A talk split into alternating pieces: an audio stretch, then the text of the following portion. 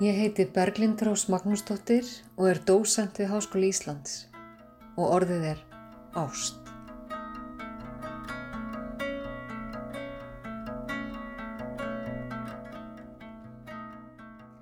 Ást getur verið margskonar, kærleikur millir foreldra og barns, vina, maka og jafnvel er oft talað um ást á hlutum og fyrirbærum.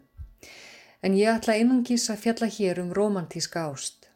Við erum nokkur hér í Háskóla Ísland sem höfum lagt af stað í gagnasöfnun á ástinni og einbetum okkur að síðgelgjónum til að byrja með.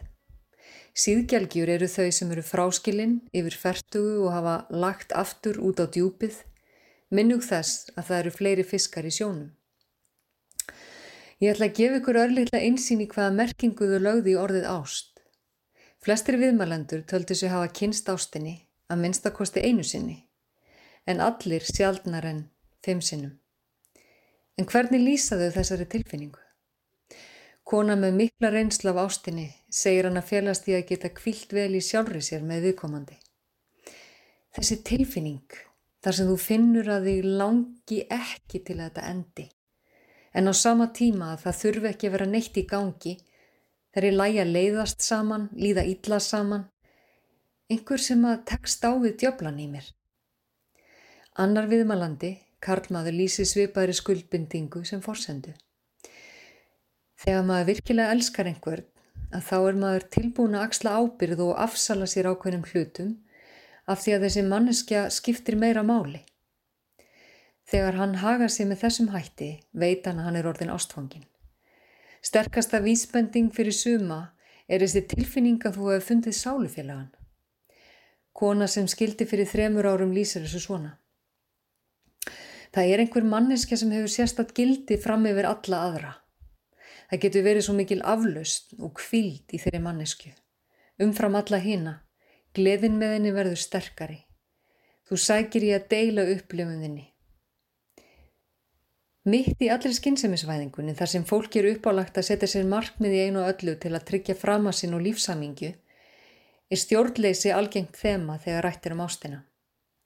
Þetta á bæði við um að velja sér ástmannisku og að takast á við ástarbríman.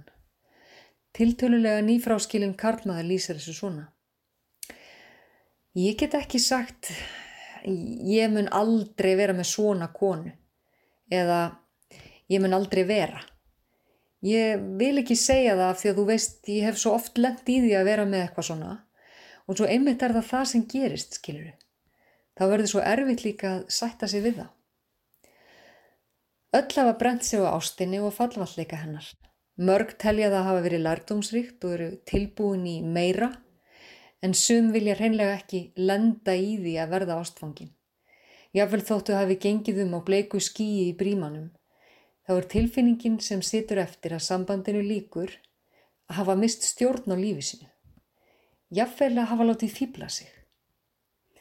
Núna þegar ég hugsa um það að verða ástfangin þá verð ég bara pínu skelguð Mér finnst það mm, að því að maður er svo heldtekinn og ég hef stundum hugsað um þetta, þú veist, ef þú átt hund og þú slærið alltaf á nefið á honum, í hvert skipti sem hann ætlar að hoppa upp í bíl, þá hættir hann bara að fara upp í bíl. Og ég er hans þar sko. Ég er bara, ég ætla ekki að verða ástfangin, ég ætla ekki að, ha, ég, ég er bara búin að fá nóg sko, eins og staðan er núna, en ég veit ekkert hvað gerist svo.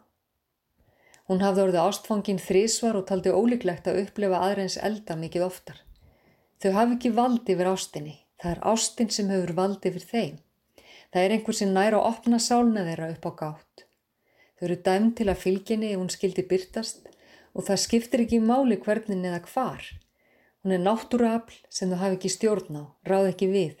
Náttúruafl sem ræðist að einsta kjarna þeirra, sem opnast þrátt fyrir alla fortíðar járklerana sem hafa loka leiðina hjarta þeirra.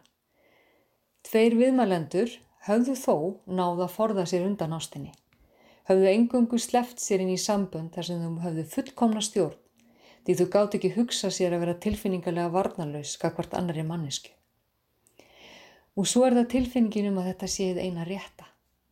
Sko, það að vera ástfangin og vita maður séð það í alvörunni Það er bara einhver svona tilfinning sem að sprettur einhver staðar ofsalega djúft innra með manni.